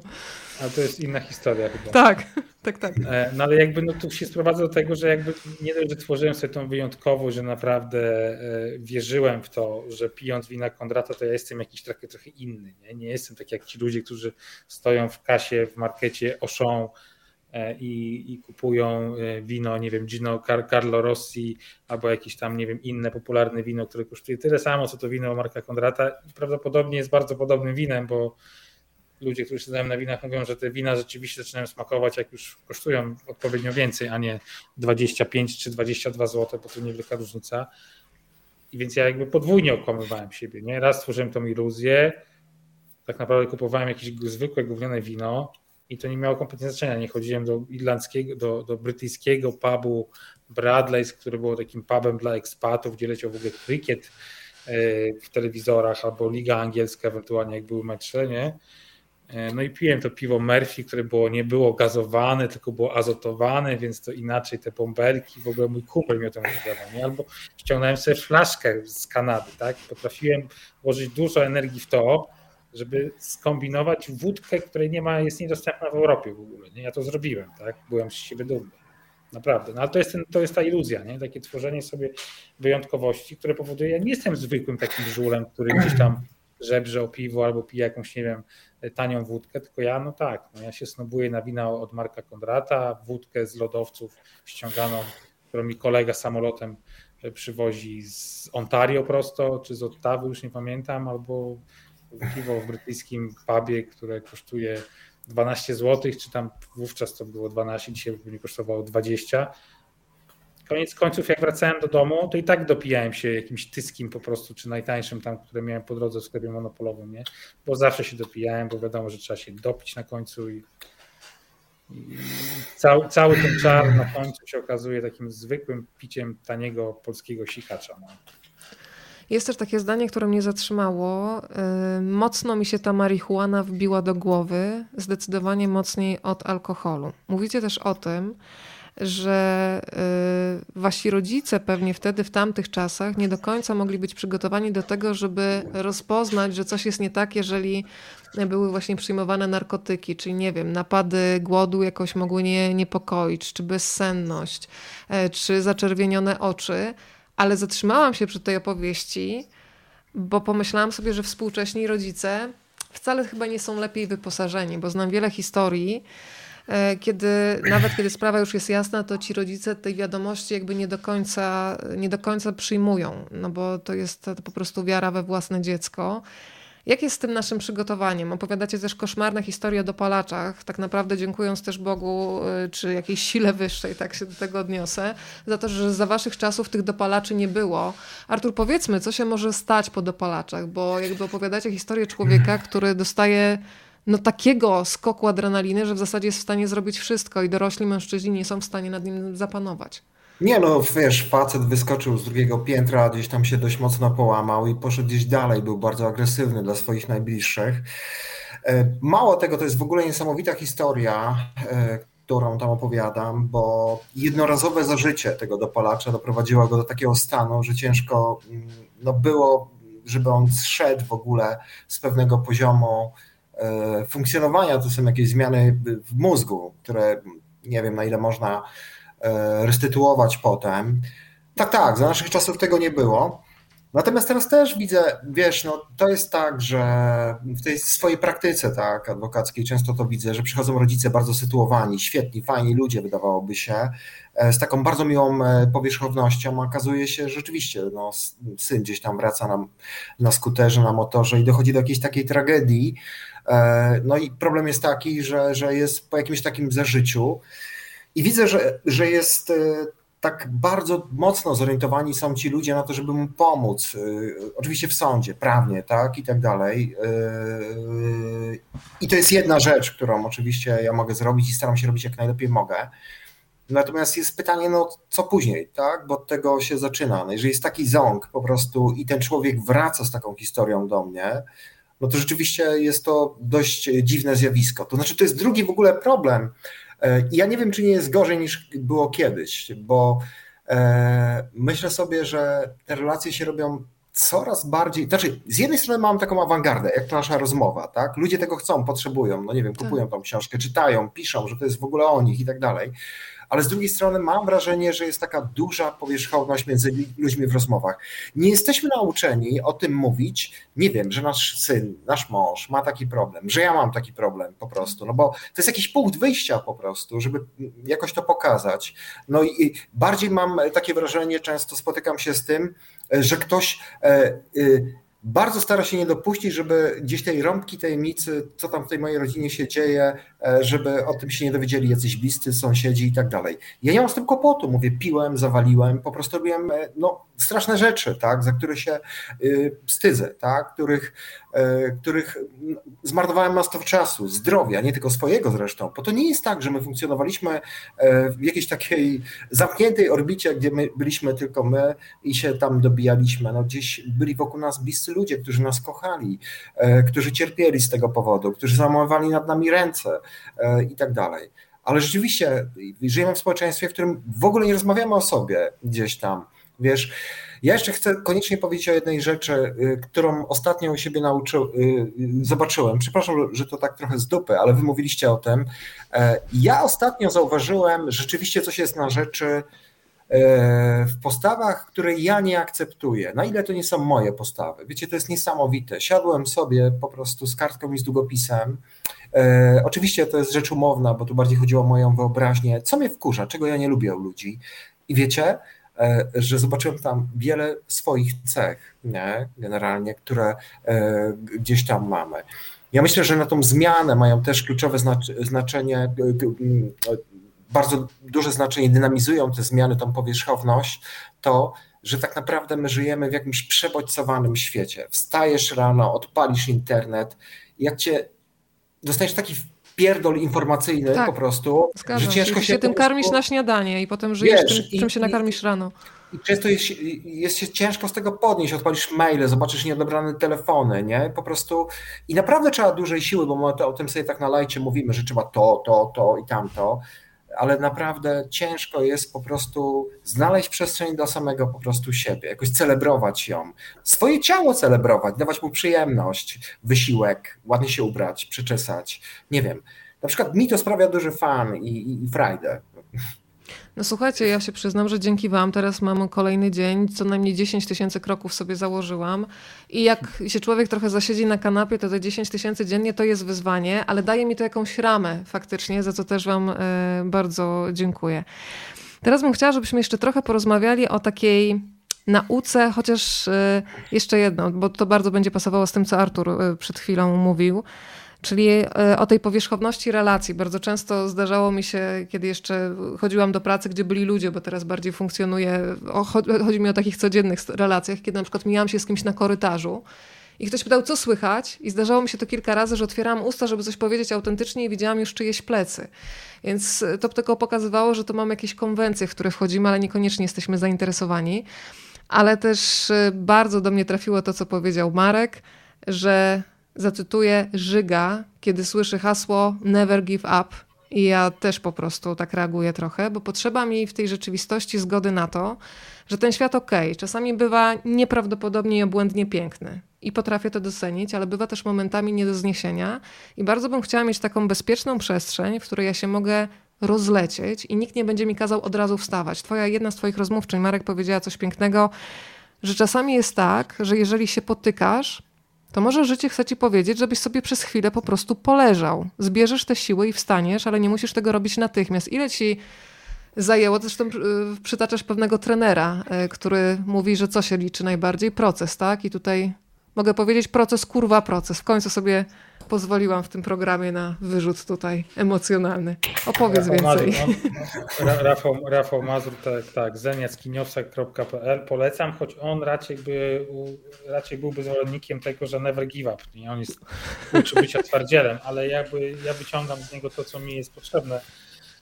No wiesz co, to jest takie kurczę, umiejętność takiego powiedzenia sobie, że dosyć, no, że nie chce mi się, właśnie odpuszczam sobie jakby w ogóle ja bardzo nie lubię i tego się nauczyłem w, w, w terapii, żeby traktować siebie przede wszystkim, że ja mam jakieś powinności, że ja coś muszę, że coś wypada, że tylko z tego powodu, że nie wiem, że jestem w takiej konstelacji, żyję, w której żyję, że ja mam jakieś obowiązki. Oczywiście ja mam dziecko, którym y, no, muszę się zająć w tym kontekście, że chcę się nim na przykład zająć, ale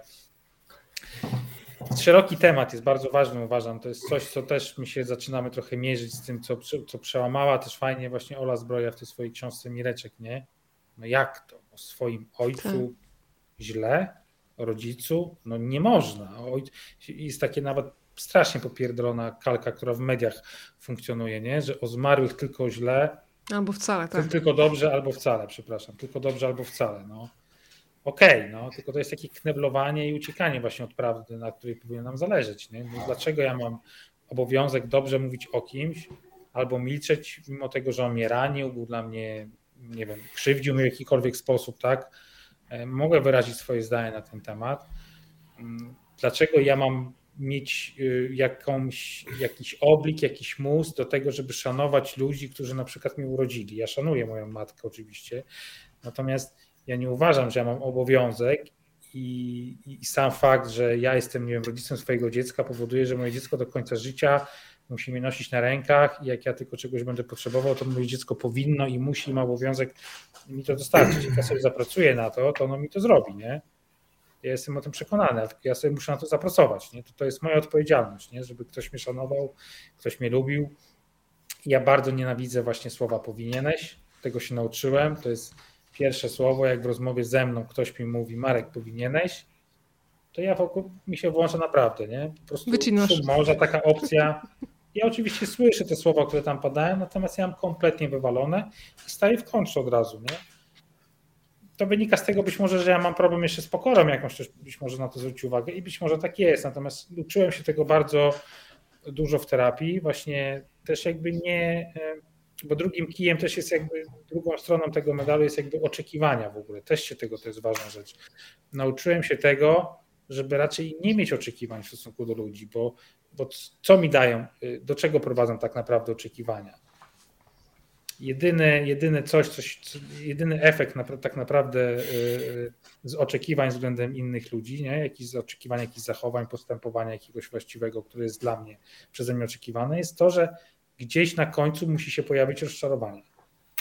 No bo ten świat dookoła no nie jest skonstruowany tak, żeby właśnie tylko dla mnie, nie? Bo ja mam oczekiwania od Artura, że on dzisiaj, nie wiem, zrobi coś dla mnie, bo ja tego chcę.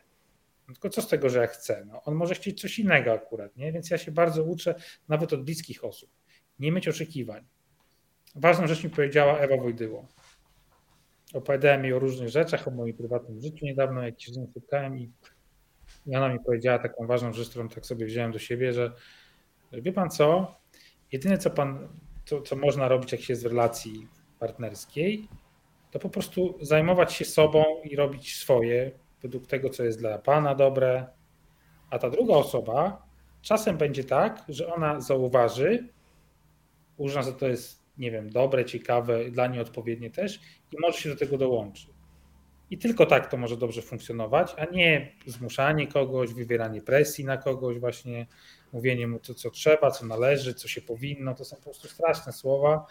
E, ale to jest ten całe nasze kulturowe takie też wychowanie, nie wiem, już nie będę tutaj odniesień do religii robił, ona ma tutaj na pewno znaczenie, bo jednak mieszkamy w kraju katolickim, się nie oszukujmy.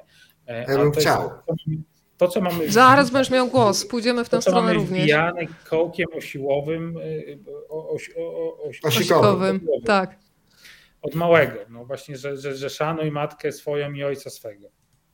Hmm. Okej, okay, no ja na poziomie, nie wiem, sześcioletniego chłopca czy dziesięcioletniej dziewczynki, no to się zgadza. Natomiast no, gdzieś jak wchodzimy w dorosłość, no to warto sobie uczciwie powiedzieć, co ja z tej relacji mam i czy chcę ją utrzymywać. Nie?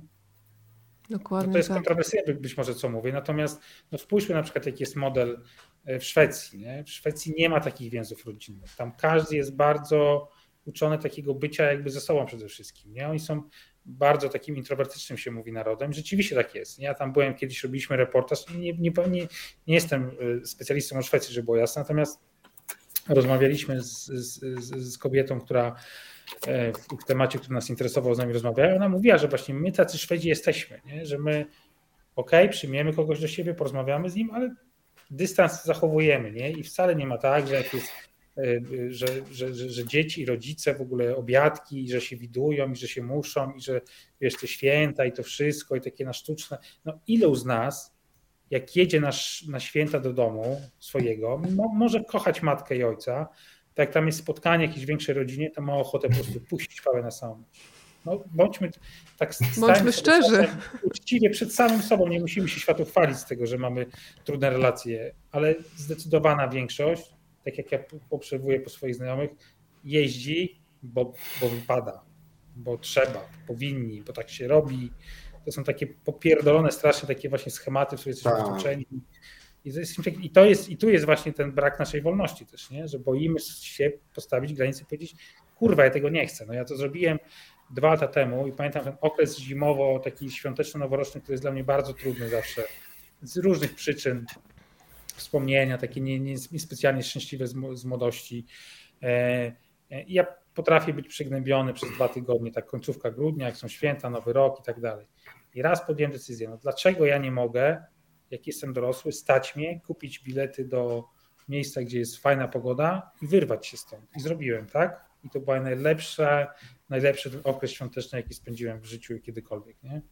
Tak, Uciekając tak, tak naprawdę. Natomiast jakby mm -hmm. pozwalając sobie na to, że ja nie muszę objechać swoje rodziny, tam ze wszystkimi sobie dawać buziaczki, składać ludziom życzeń, których w sumie, którym niewiele w sumie niektórym nawet życzę, bo tak naprawdę nie utrzymujemy przecież kontaktu, w ogóle się nie znamy, nie?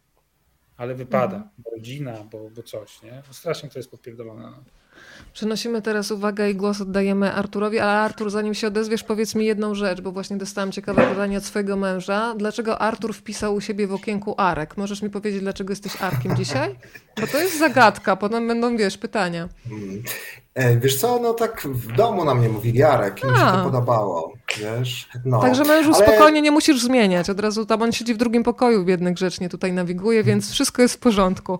Przejdźmy do tego, żeby nam nie uciekł ten wątek, powiedziałeś o kościele katolickim. Powiem ci, że to jest bardzo ważna część tej, tej książki, szczególnie kiedy mówisz o tym momencie, kiedy byłeś osaczony lękiem, a lęk nas trzyma w ryzach. Mówisz o tym, że religia jest taką religią nakazów i zakazów, i że czasami trzeba też zaufać sobie, zamiast właśnie klepać yy, na przykład pacierze.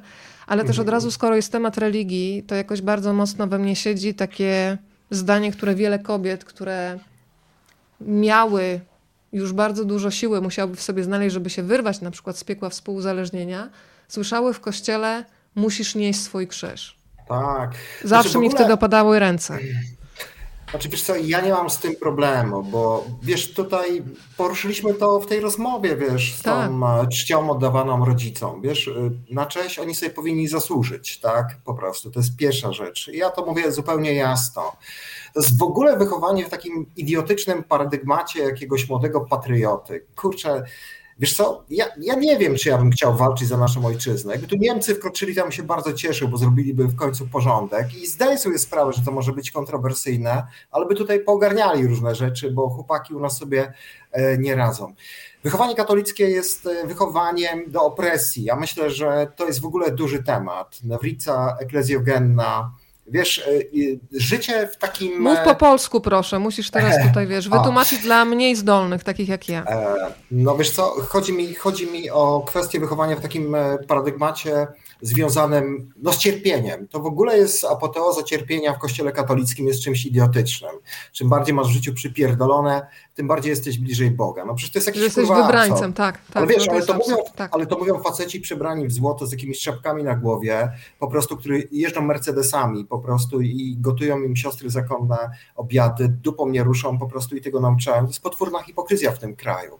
Wiesz, dla mnie to jest przerażające, dlatego że to, że nie, ma, nie było w nas przez wiele lat odwagi, mówię o naszym pokoleniu po prostu, żeby powiedzieć nie, żeby powiedzieć, że to jest po prostu chore i zakłamane. Ta wódka po prostu lejąca się dookoła, e, ta przemoc w rodzinach, którą widzieliśmy e, dookoła, ta nienawiść między ludźmi, te plotki, e, tak naprawdę mogłeś się wykupić z tego, bo ładnie się ubierzesz i pójdziesz w niedzielę do kościoła, wiesz. To jest po prostu straszne. Ja myślę, że religia katolicka doprowadziła do takiej sytuacji, w której staliśmy się najgorszego sortu konsumentami po prostu pewnych usług religijnych. E, no i, i, i, żyjemy po prostu. My udajemy, że coś robimy w swoim życiu religijnym i płacimy za to pieniądze, bo przecież to nie jest za darmo, e, a oni nam dają jakąś obietnicę życia wiecznego. To nas zwolniło z myślenia. To jest kolejne dziedzictwo perelowskie, uważam, w naszym kraju, e, bo uważam, że bardzo mocno też zdeprawował nas właśnie ten paradygmat, który ma, nie ma nic w, ogóle z wiarą. Ja uważam, że zwłaszcza w Polsce Kościół to jest jakaś skamielina po prostu, jakaś kompletny folklor, która nic nie ma wspólnego z żadnym życiem duchowym. Jest wielu księży, wspaniałych ludzi, mądrych, którzy otaczają mnie, z którymi piszę, koresponduję i oni bardzo nad tym boleją, ale to kształtowało naszą młodość po prostu. E, właśnie cierp, bo ten Pan Bóg, ten dziadek z tym notesikiem patrzy na ciebie, co ty robisz w łazience, e, czy się niegrzecznie bawisz, czy się jakoś nie wiem, nie zachowujesz jakoś nieprzyzwoicie. Ten wstyd, tak, ciało musisz zauważać tylko wtedy, kiedy cię boli. Ciało nie może być dawcą przyjemności, prawda? No i tak nie mieliśmy psychologów, mhm. po prostu mieliśmy takiego rabina, człowieka aseksualnego, który ci po prostu mówił, jak ty masz się zachowywać, co ty masz robić, jak masz funkcjonować. To jest wielki deficyt. To jest dla mnie w ogóle temat na dużą dyskusję. O tym będziemy rozmawiali, tak jak teraz się pisze książki o pańszczyźnie, tak myślę sobie. Mhm. E, ale tak, rzeczywiście jest coś na rzeczy, po prostu, że rodzina jest najważniejsza, jest wartością w samą sobie. Byle jaka gówniana rodzina, zapijaczona, przemocowa, e, ona jest wartością. I dalej w tym Kościół tkwi po prostu, wiesz, to jest nieprawdopodobne i wręcz niesłychanie, e, że, że, że, że to się kupuje, ale wiem do czego to się po prostu kupuje, bo to jest łatwe.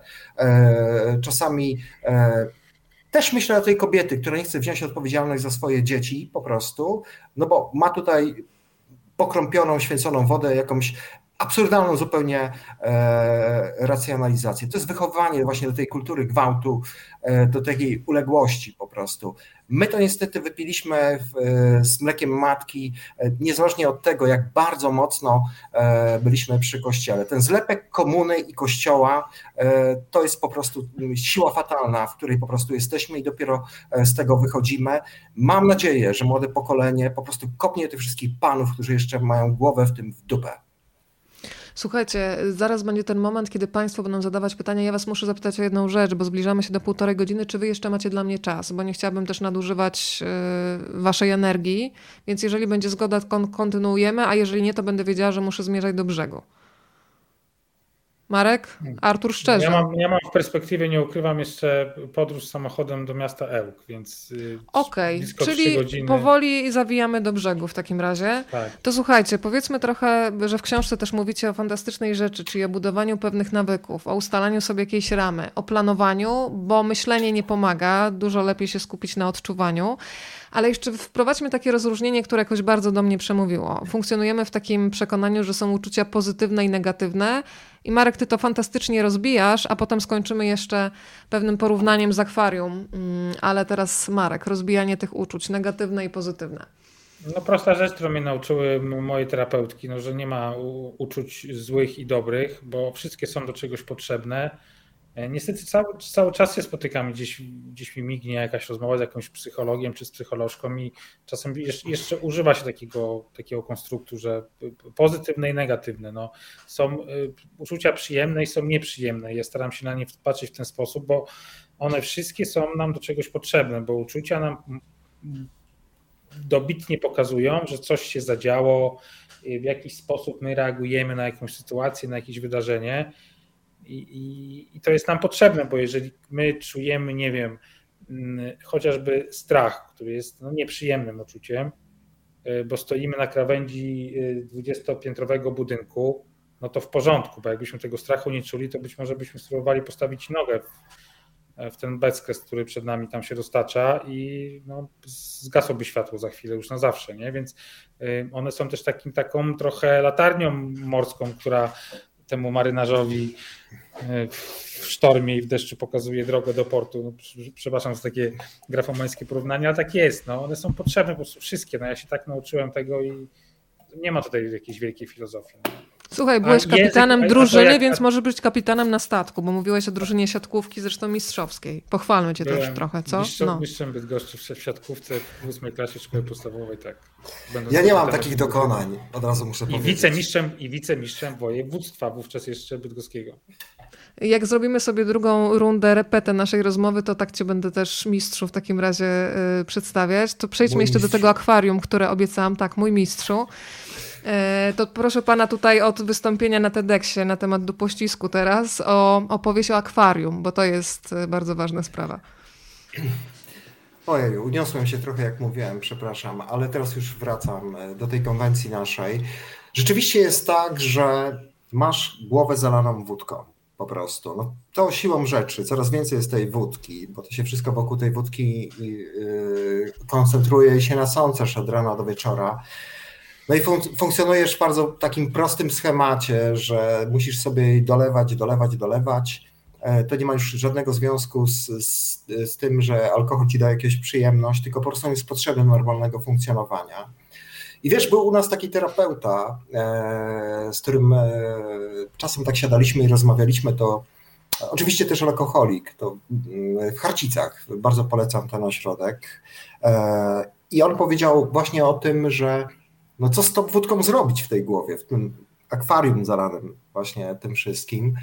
No i tak siedzieliśmy, myśleliśmy, e, no nic tam nie wymyśleliśmy, a on mówi, wiecie co, jest sposób, trzeba coś tam powoli wrzucać i wtedy ta ciecz zacznie się wylewać, nie?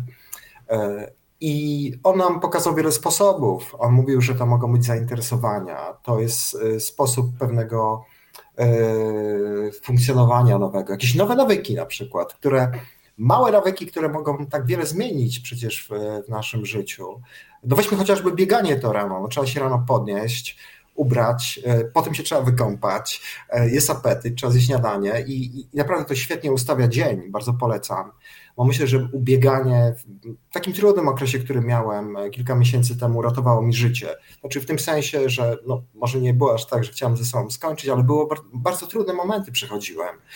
E, to jest też e, taka sytuacja, że w świecie alkoholika się wydaje, że wszyscy piją po prostu, no bo znasz tylko takich ludzi tak. e, i do takich chodzisz, którzy chleją no w ostatek, na samym końcu jesteś sam z tym piciem, ale zawsze jest jakaś taka e, grupa, jest taka obrona Częstochowy, że się spotykacie i tam sobie po prostu e, pijecie. Okazuje się, że nie, pojawiają się nowi ludzie. No i spotykasz takiego faceta, który jakiś czas już e, przez dłuższy czas nie pije, i on ma takie problemy po prostu, które są ci bliskie. Nawiązujecie jakąś relację, rozmawiacie ze sobą. E, to tworzy jakąś taką więź. Nie? I to działa w dwie strony, bo ja na przykład mam takiego teraz e, kolegę, e, ja nie staram się być ratownikiem. E, ja mu powiedziałem po prostu, mam problem. Mówię, stary, no musisz po prostu na odwyk, nie? I on mi napisał ostatnio, że, że zapił, widzę, że tak się wstydzi zadzwonić i nie odebrał telefonu. Wiem, że ogląda w ogóle tę audycję, pozdrawiam go. I to tworzy takie po prostu, i to jest kolejna jakaś rzecz w tym akwarium, czyli relacja jakaś, tak? No potem przychodzi do tej pracy i to nie jest już pijana praca, bo zaczynasz na trzeźwo pracować i to nabiera innej perspektywy. No widzisz, jakie to jest e, szerokie spektrum. Nie robisz wszystkiego na odpierdol po prostu, tylko chcesz to robić dobrze w końcu. I to jest kolejna rzecz, którą rzucasz do tego akwarium. I to się naprawdę wszystko mm, e, rozwija fantastycznie. E, I rzeczywiście tak jest. Oczywiście to jest proces, no bo to nie jest tak, że sobie tam jednego dnia tego wszystkiego nawrzucasz i tak jest. I Marek mówił na początku o pokorze i ba bardzo fajnie, bo na samym początku e, nie mamy takiego chyba wyobrażenia, że, że, że jednak w tym procesie trzeba być, popełnić pewne błędy, czasami pójść trzy kroki do przodu, wrócić, wywrócić się, wstać, iść dalej. Tak? Piszemy o zapiciu przecież e, w tej, tak. naszej, roz, w tej naszej rozmowie. Ale rzeczywiście, po jakimś czasie okazuje się, że to nie jest już tylko wódka. Tej wódki jest coraz mniej, a w pewnym momencie tej wódki już nie ma. Nie?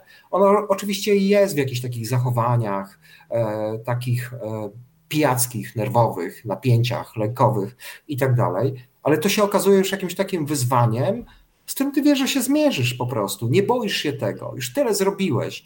I ważne też jest, że jest jedna rzecz dla mnie taka bardzo ważna. E, żeby jakoś siebie też docenić po prostu w pewnym momencie, że naprawdę y, udało mi się, udaje mi się, dziś mi się udaje.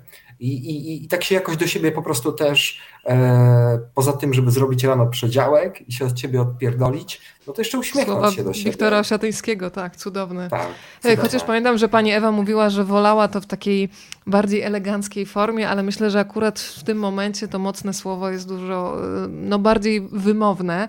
Słuchajcie, pytanie ostatnie od pani, która tutaj nam się przewinęła. Panowie, czy żeby się odbijać od dna, zaczynać wszystko od nowa według was, czy można zaczynać to robić z religią, czy bez? Ja myślę, że znam, słuchajcie, wiele osób, którym taka tak. wiara, wiara niekoniecznie instytucjonalna bardzo pomaga. Jak, jakie są wasze doświadczenia, Marek? No moje jest takie, że zrobiłem to bez wiary, ale znam ludzi, którzy robią to z wiarą i jakby każda metoda moim zdaniem jest... Ważny jest skutek, a nie droga do celu. Hmm. Znaczy, ważne jest chyba tylko to w tym wszystkim, żeby to jednak opierało się na jakimś fundamencie racjonalnym, bo jest teraz takie modne powiedzenie: Jezu, ty się tym zajmij. To jest taki w ogóle cały ruch charyzmatyczny, który. Żeby oddać e, komuś żeby to oddać komuś. Myślę, że takie zwalnianie się z odpowiedzialności nie jest dobre. Ale oczywiście na samym początku, zwłaszcza, znaczy nie wiem, e, bo ja tu odróżniam religijność, po prostu taką autentyczną duchowość, bo chyba o tym mówimy, od, od, od tej powierzchowności, tej transakcyjności. E, to jak najbardziej tak uważam, że tak, no, odwoływanie się do siły wyższej ma to do siebie właśnie, że jeden tam widzi Chrystusa, a drugi tam widzi jakiś bezkres, swój kontakt z jakąś naturą, z tym, że spogląda na słońce i czuje się elementem czegoś więcej, pewnej całości. Ja cały czas mam teraz w głowie ten ełk Marka, żeby on bezpiecznie dojechał, więc słuchajcie, na dzisiaj zamykamy, ale tutaj y, od razu wam mówię, że jeżeli tylko będziecie mieli ochotę na ciąg dalszy, to ja na was tu będę czekać i z przyjemnością, bo zostaję z takim niedosytem, ale zgodzimy się, że niedosyt jest lepszy od przysytu, więc na dzisiaj zamykamy i powiem państwu tak, jeżeli czujecie się bezradni, to taka bezradność przeżywana w dobrym towarzystwie, ludzi, którzy doskonale rozumieją, co się w was dzieje. E, mało tego, podają wam wędki do tego, żeby wziąć odpowiedzialność za swoje życie, to jest coś, e, po co po prostu warto sięgnąć. Ogarnij się, czyli jak wychodziliśmy z szamba. Artur, nazywany w rodzinie Arkiem Nowakiem i Marek Sekielski. Marek, jak jesteś w rodzinie nazywany? Markiem, czy są Czasem- jakieś zdrobnienia? Ustalmy czasem to na jestem koniec. nazywany przez moją mamę Tomkiem. Jeszcze raz powiedz, bo akurat mi wycięło, przepraszam. Czasem przez moją mamę na przykład jestem nazywany Tomkiem. Tomek, tak. Ja czasem jestem nazywana Moniką, bo mam siostrę Monikę, więc rozumiem, jak to funkcjonuje. Słuchajcie, pięknie Wam dziękuję za wrażliwość, za energię, za książkę i za to spotkanie. Jeżeli tylko będzie ochota na ciąg dalszy, to zapraszam z całego serca. Spokojnej drogi, Marek. Dobrego snu, a jutro y, proponuję zacząć od Mind Spa. A co to znaczy Mind Spa, to Państwo się dowiedzą, sięgając do książki. E, Jeżeli ktoś ma ochotę wygrać książkę u nas, to jeszcze panowie dwa numery. Jeden od y, Marka i jeden od Artura, od jednego do dziesięciu, a ja zaraz sprawdzę swoją skrzynkę mailową i kto będzie miał szczęś- szczęście w takiej kolejności się znaleźć, to wygra książkę. Artur, od jednego do Siedem. dziesięciu. Po- Siedem. Siedem. Kurde, A Marek? chciałem 7, no to zrobimy 9. Okej, to ja zostawiam Państwu adres rozmawiam, bo lubię małpa gmail.com. Artur Nowak, Marek Sekielski. Spokojnej podróży i spokojnej nocy. Do zobaczenia. Pa, pa. Cześć.